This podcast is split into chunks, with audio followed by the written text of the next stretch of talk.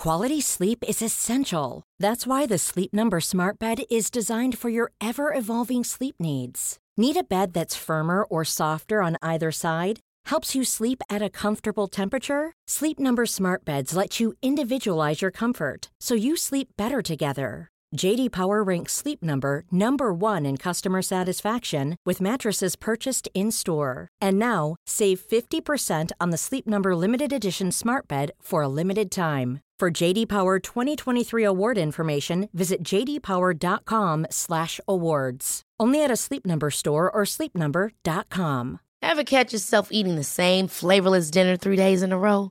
Dreaming of something better? Well, HelloFresh is your guilt-free dream come true, baby. It's me, Kiki Palmer. Let's wake up those taste buds with hot, juicy pecan-crusted chicken or garlic butter shrimp scampi. Mm.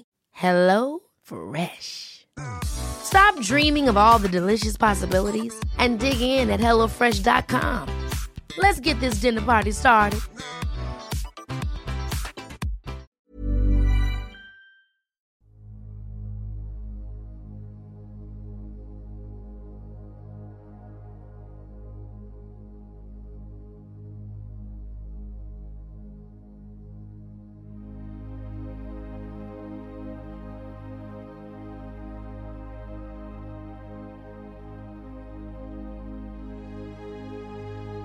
Ljus eller mörker gäller människor i den fysiska dimensionen och varelser i alla andra dimensioner.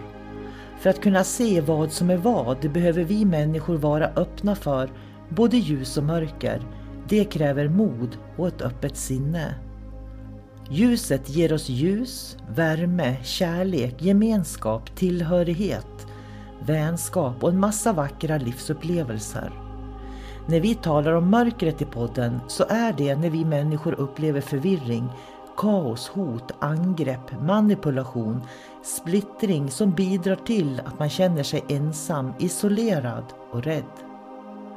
Att vara i sin egen kraft är att våga se verkligheten för vad den är och där göra medvetna val. Du kan bara kontrollera din värld, dina känslor, din livsupplevelse och det är att vara i sin egen kraft. Varmt välkommen till podden Kosmiska samtal.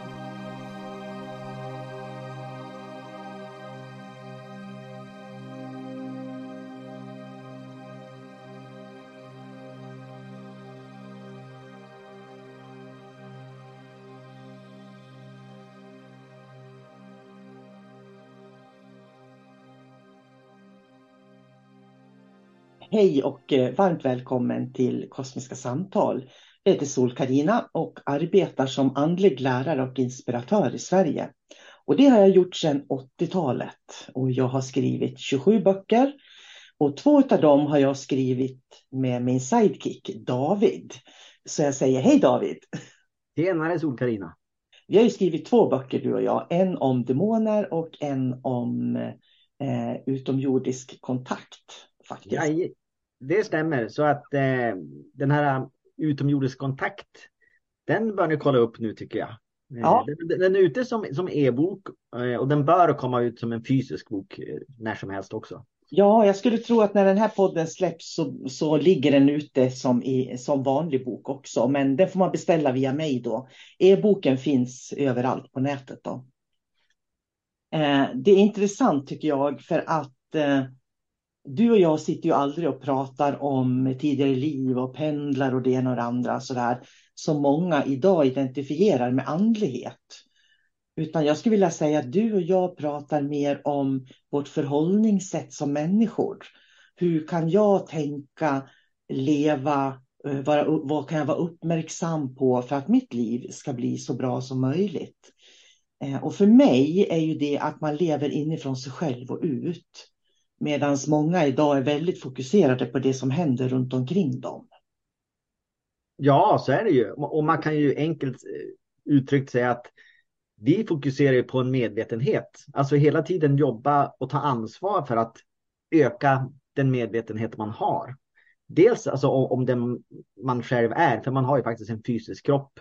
Och på omvärlden, men liksom även de här vad ska man säga, de större frågorna och liksom bara tänka till. Vart, vart, vart står jag i de här ämnena? Vem är jag? Och liksom våga ta ställning för någonstans där är det, det är där man börjar utvecklas också. Mm. Helt enkelt. Och jag tycker det är så intressant för jag, jag var ju nere i Västmanland nu. Vi hade del två på ljusutbildningen. Och där får de ju lära sig att göra tidslinjeläsningar. Och, och det var lite det jag tänkte vi skulle ha som ämne idag. Det här med hur man intellektuellt tänker känslor eh, istället för att eh, känna känslor. För jag kan möta ibland hos människor att de säger så här, jag kan inte prata känslor. Och till de som lyssnar som tycker att de inte kan prata känslor så ska jag ge dem eh, ett svar på varför de inte kan prata känslor nu. Känslor, förstår ni som lyssnar, är ingenting man kan prata, det är någonting man upplever. Jag kan inte sitta här och vara arg och prata om hur arg jag är, utan det är en upplevelse. En känsla är en upplevelse. En personlig upplevelse. En personlig upplevelse till och med, exakt. Ja.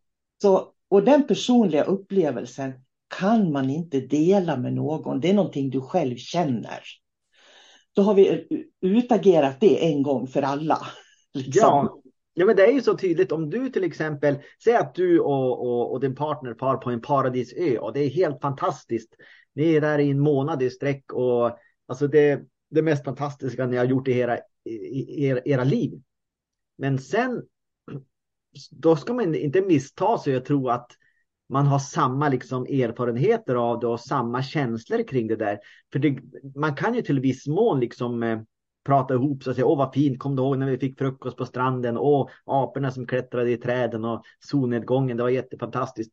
Jo, men det är fortfarande personlig erfarenhet. Så ni två kommer ha haft olika upplevelser av den där paradisön, även om ni gjorde allting tillsammans.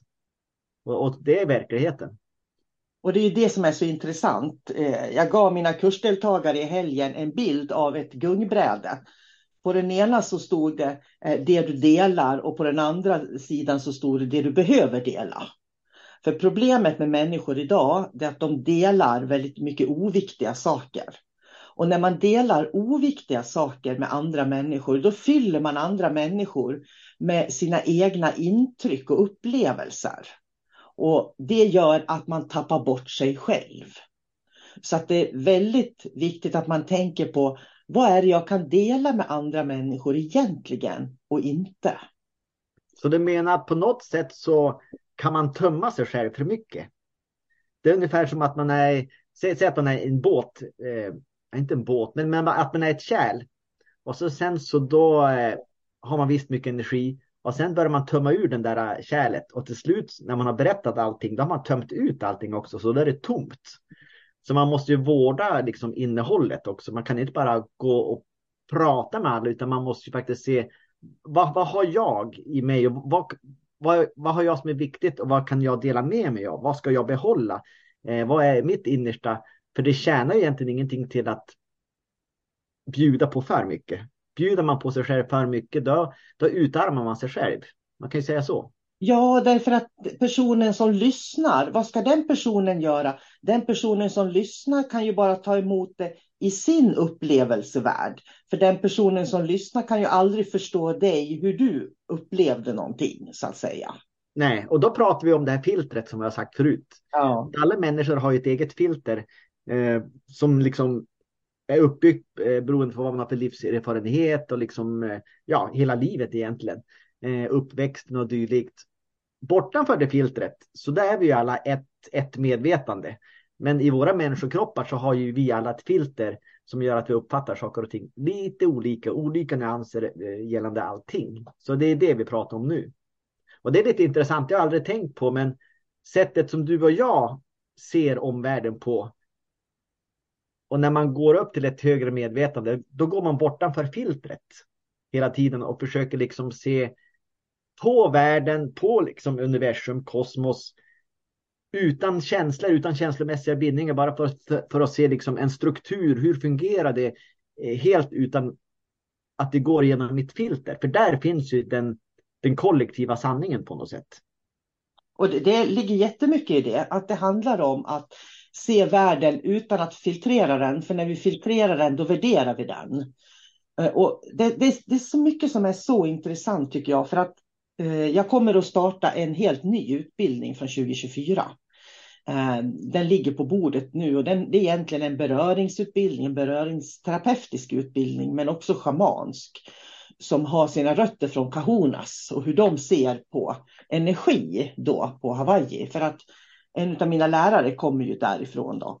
Men eh, det jag skulle säga, vad var, det sku, vad var det vi pratade om nu? Jo, det här med tidslinjeläsningen som de får lära sig. Det är ju en del av den här tekniken som jag pratar om. Och det som var så intressant att se, det är när de verkligen fattar skillnaden på att man inte kan prata känslor utan uppleva känslor. Därför att när man möter på ett trauma som man har, då börjar man ju prata om det här traumat då. Och det som händer där, det är att många människor börjar intellektualisera traumat.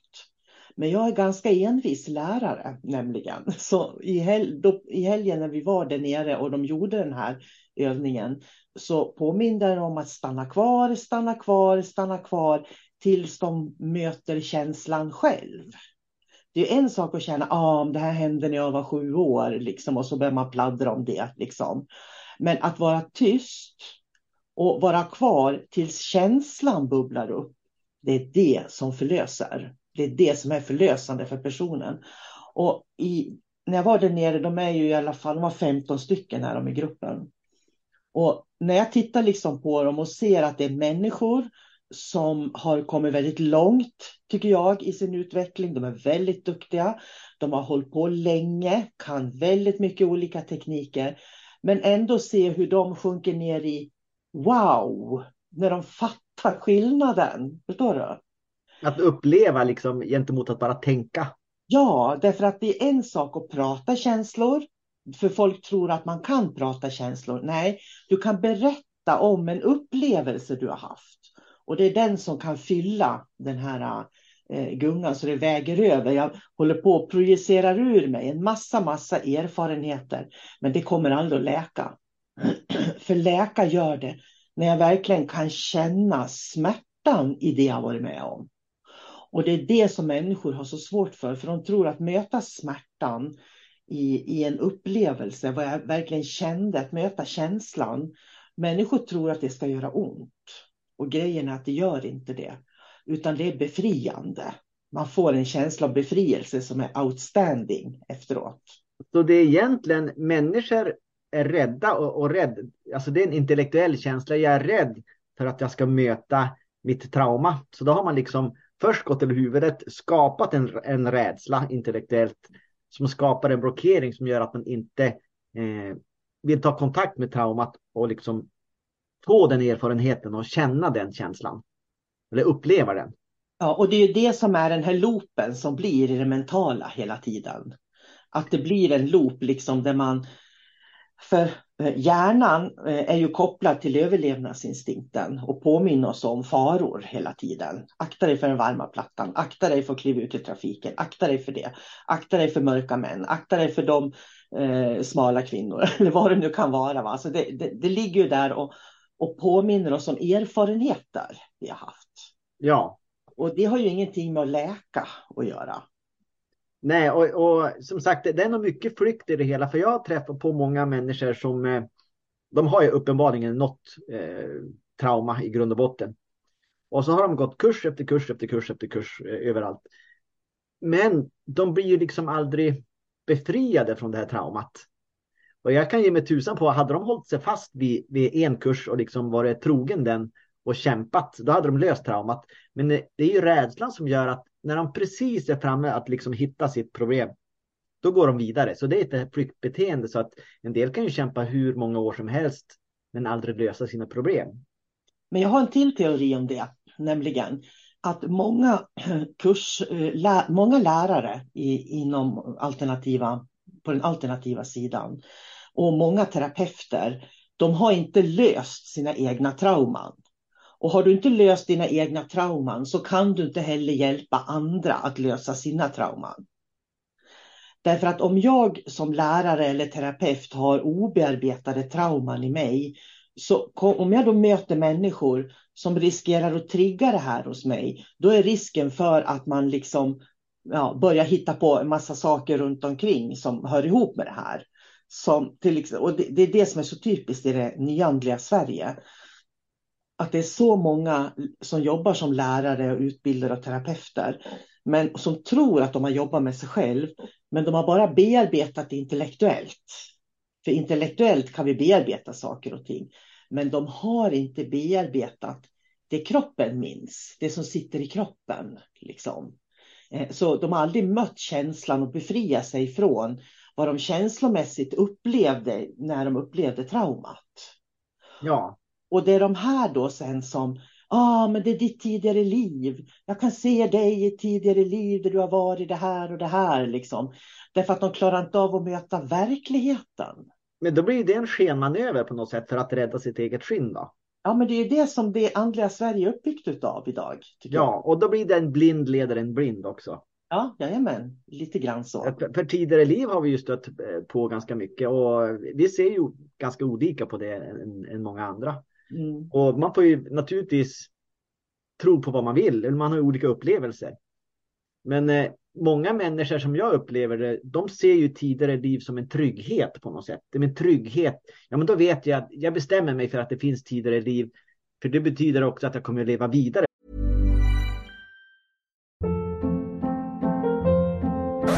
Hold up. What was that? Boring. No flavor. That was as bad as those leftovers you ate all week. Kiki Palmer here, and it's time to say hello to something fresh and guilt-free. Hello Fresh. Jazz up dinner with pecan-crusted chicken or garlic butter shrimp scampi. Now that's music to my mouth. Hello Fresh. Let's get this dinner party started. Discover all the delicious possibilities at hellofresh.com.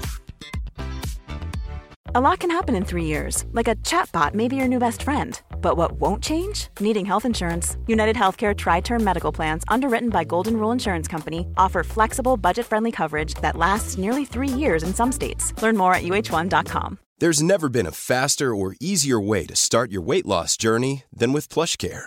PlushCare accepts most insurance plans and gives you online access to board certified physicians who can prescribe FDA approved weight loss medications like Wigovi and Zepbound for those who qualify Take charge of your health and speak with a board certified physician about a weight loss plan that's right for you. Get started today at plushcare.com slash weight loss. That's plushcare.com slash weight loss. Plushcare.com slash weight loss. Quality sleep is essential. That's why the Sleep Number Smart Bed is designed for your ever evolving sleep needs. Need a bed that's firmer or softer on either side? helps you sleep at a comfortable temperature? Sleep Number smart beds let you individualize your comfort so you sleep better together. JD Power ranks Sleep Number number 1 in customer satisfaction with mattresses purchased in-store. And now, save 50% on the Sleep Number limited edition smart bed for a limited time. For JD Power 2023 award information, visit jdpower.com/awards. Only at a Sleep Number store or sleepnumber.com. när det här livet är slut. Och sen då, då söker man liksom inga nya svar sen också, utan då, då hittar man trygghet i det och kan fortsätta leva sitt liv. Och, och det är ju liksom att sätta på de här skygglapparna lite grann. Eh, att folk behöver, alltså, och det är fortfarande in, intellektualisering. Man intellektualiserar, för ett tidigare liv handlar om att intellektualisera. Du kan möta smärtan. Om du gör en regression så kan du absolut möta smärtan. Och det här är ganska intressant. Så att du kan möta den här smärtan som du har varit med om i det här livet genom ett så kallat tidigare liv. Så att genom en regression kan man gå in och möta den smärtan. Det som människor då inte lär sig, så lär de sig inte att möta det, det de minns i det här livet. Och det är där faran sitter, för att då ligger det lite skrap kvar. Gör det. Mm. Så, ja, absolut att man kan använda tidigare liv för att se sig själv. Men du behöver ändå se vad i det här livet, för det är det här livet du lever här och nu som du ska förstå dig själv i. Ja, det är ju egentligen endast det här livet som är viktigt. Mm. Det är det här livet som är betydelsefullt, för det händer här och nu. Och om du liksom, eh, det du gör nu det smittar ju av sig också på alla människor runt omkring. Så att vad som hände för 100 år sedan eller 500 år sedan, det är egentligen helt oväsentligt. Utan det är nuet som alltid gäller. Men vad var det jag tänkte säga tidigare liv? Jo, det krävs ju också att man har liksom ganska mycket disciplin när man jobbar med tidigare liv. Som du sa, man kan ju använda det som en metod, en läkningsmetod. Men som jag har sagt förut, allting som har, alla liv som har levts, till exempel här på jorden och allting vi har gjort, det har ju sparats i någon typ av minnes, minnesbank. Så att om jag skulle gå och, och besöka tidigare liv, då finns det ju jättemycket information som jag kan plocka och göra till min egen. Och rent tekniskt så är det ju din egen eftersom i slutändan så har vi ett enda stort medvetande. Eh, problemet är att det är ju inte dina alltså personliga upplevelser. Det är inte ditt tidigare liv, utan det är bara ett kollektivt stort, eh, vad ska man säga, er, liv av erfarenhet som finns i bakgrunden. Så om man eh, går till tidigare liv genom sitt filter som jag sa förut, då kan, kan man börja liksom plocka de delar som passar en själv allra, allra bäst. Och sen tror man att, jo men jajamän, jag har eh, bott på eh, i Skottland och jag jobbade med det här och det här och jag var fårbonde och så sysslade med svart magi och det, jag var häxa kanske var eller druid och ja, men de beståndsdelarna finns. Men det är ju inte dina beståndsdelar. Så att det krävs ju att man liksom börjar separera saker och ting och eh, för att jobba med de här metoderna. Men det, det är det här, precis som vi sa i början, att att eh, liksom ta ett steg tillbaks och se eh, det här filtret på något sätt. För att eh, jag har ju varit själv och fostrat mina barn och jag har ju fostrat dem i järnhand. Det säger de ju själva idag och det vet jag att jag har gjort också. Men jag har också barn som eh, vet vad de vill i livet och, och de har hittat sin plats och, och alltihop det där. Så att de har ju liksom inte fått gå vind för våg och sitta och åka Umeå runt på natten med buss, om man säger så, som vissa av deras kompisar har gjort då. Eh, de fick inte vara ute till klockan 12 på natten när de var 15 år. De skulle vara inne 9. Det liksom var en järnhand. Så. Och det som är intressant är att med tanke på det vi pratade om nyss då, när jag var till Skottland, det var därför jag kom på det, för du sa det. Jag var till Skottland med en av mina söner och så var vi till Culloden, den här platsen i Skottland där skottarna förlorade slaget om Skottland till eh, Storbritannien då. Och det var fantastiskt att gå omkring där och se eh, själva skådeplatsen då, om man säger så. Och det som var intressant var att det var så mycket skottar som gick där, för då hade de olika klanerna hade ju små gravstenar för varje klan och så där då. Och då stod de där och grät liksom. Och vad är det? Det var på 1700-talet tror jag. Det är liksom 300-400 år senare så gråter man fortfarande över den här tragiken då. Men det är en annan historia. Men då såg jag min son. Jag såg honom stå i en sån här äh, kjol som skottarna har. Jag såg honom vara skotte, sån här vild skotte liksom. Och så såg jag mig själv som engelsman. Eh, och då fick jag en sån här ha-upplevelse. Att jag är alldeles för dominant mot min son. Eh, är, hänger du med på det här nu? Ja. Så att jag kunde liksom se min roll till honom. Därför att då var han relativt vuxen och jag behövde inte ha den här järnhanden att peka med längre.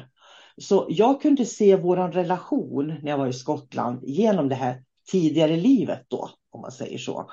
Och det har jag skrivit om i min bok om tidigare liv också. Men det har ingenting med verkligheten att göra. Utan i verkligheten så handlar det väldigt mycket om att jag skulle lära mig att lyssna och inte bara bestämma, om man säger så. Så vi kan, visst kan vi, vi kan se oss själva genom tidigare liv. Men det är fortfarande saker här vi behöver lösa, om man säger så. Så ja, det är därför jag säger till mina elever också att eh, Eh, vi tittar ju alltid på styrkor, svagheter och lärdomar. För det tidigare livet är inte det viktiga. Det viktiga är vilka styrkor tar jag med mig av det jag har sett. Vilka svagheter upptäckte jag om mig själv? Och vad kan jag lära mig av det här? Och det var precis det jag gjorde av det här scenariot, scenariet då, som jag såg med honom då när vi var i Skottland. Och jag kan säga han är jättevacker var han. Han stod där i sin, det var en grönaktig kjol han hade på sig och så här vildvuxet hår. Och han hade någon yxa i handen. en riktig vilde var det. Eh, och jag var en engelsk soldat då. Men så att det har ju ingenting med saken att göra utan det hade ju med vår relation att göra. Ja, så, så hela platsen, hela det där skådespelet vart liksom en, eh, vad ska man säga, en, en uppbyggnad som ni kunde använda för att lösa era problem då? Ja, ja alltså nu skulle inte jag vilja säga, vi hade ju inga problem direkt, men att vi kunde, få, vi kunde förbättra vår relation, absolut, ja. av det. Bara det att han och jag var på genomresa är ju liksom, eh, var ju väldigt uppbyggande för vår mm. relation, att, att resa tillsammans. Det har vi gjort flera gånger, han och jag. Eh, men det är ändå intressant, för då tänker jag så här, att vad var det som fick mig att se den här energin när jag var på den platsen?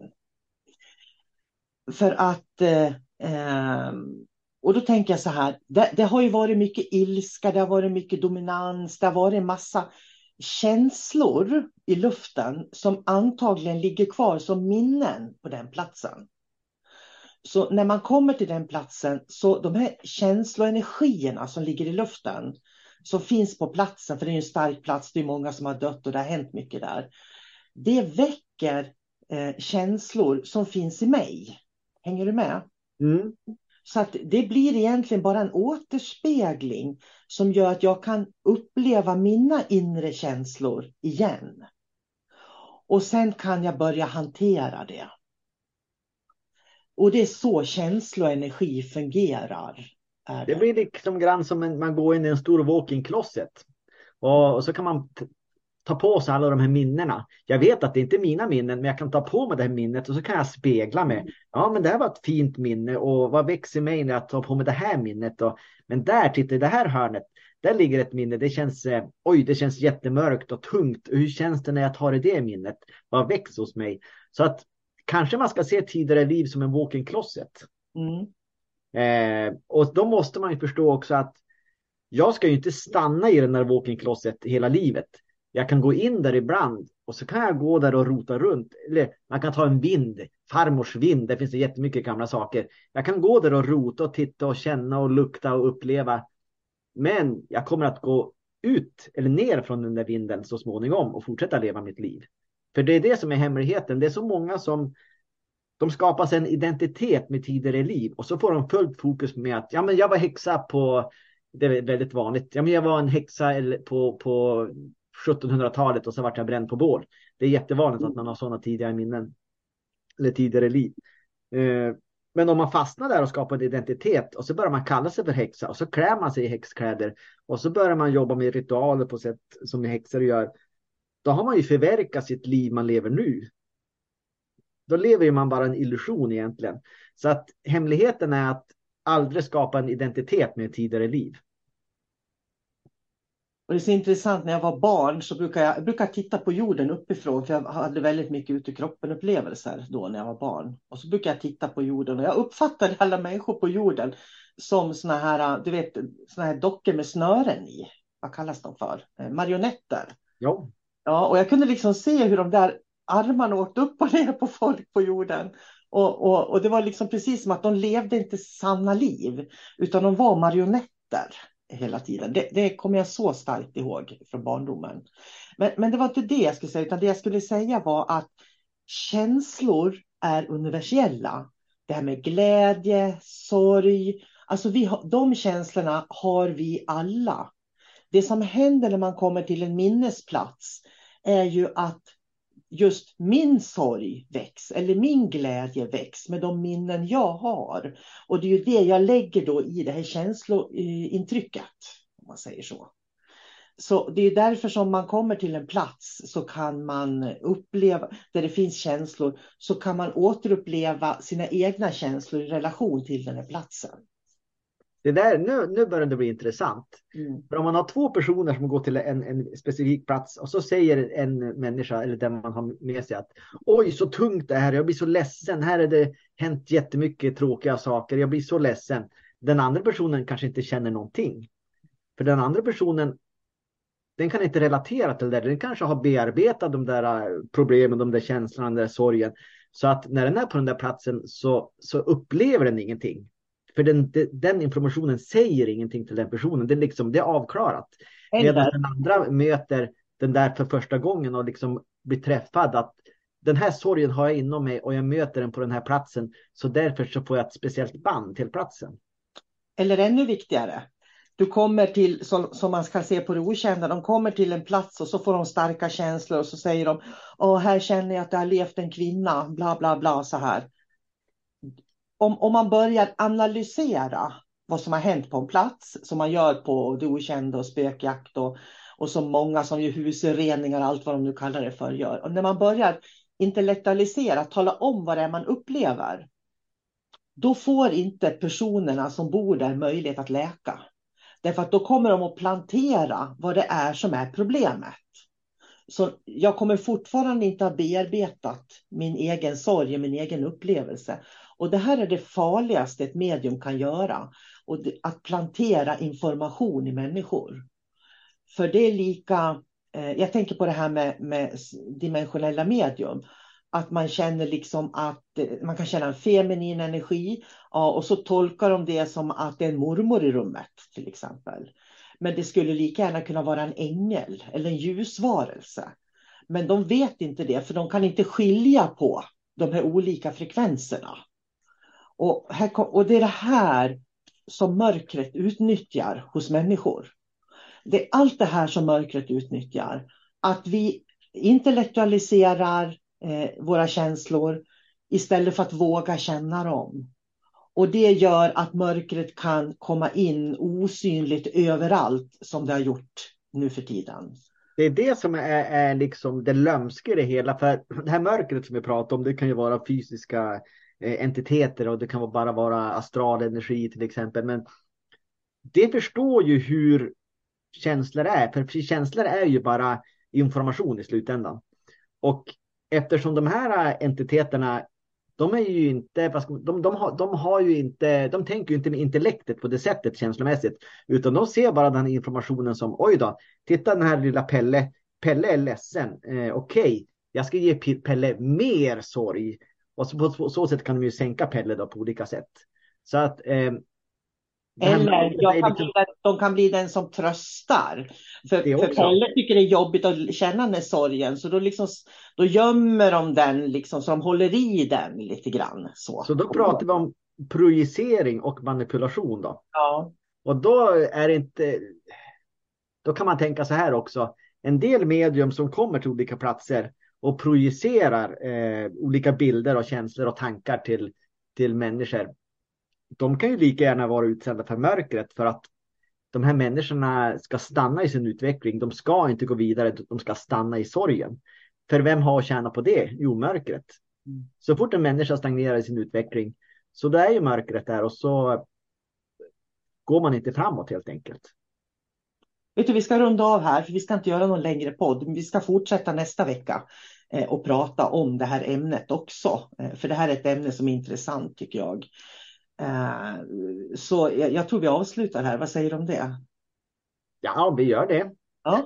Men på, på återseende då? Ja, det blir det. För nu har vi pratat 25 minuter. Vi ska inte prata längre utan vi ska spara det till nästa vecka. Det finns mer att säga om det här ämnet. Så vill du lära dig mer om känslor och mörker och ljus, då ska du fortsätta att lyssna. Eller hur David? Jajamän. Då ses vi nästa vecka då. Ja, det gör vi. Och dela gärna våran podd om du som lyssnar känner att den här eh, tillför någonting till resten av världen. Ha en fin vecka du som lyssnar och eh, hej då säger jag till David. Hej då, Sol-Carina. Have catch yourself eating the same flavorless dinner three days in a row?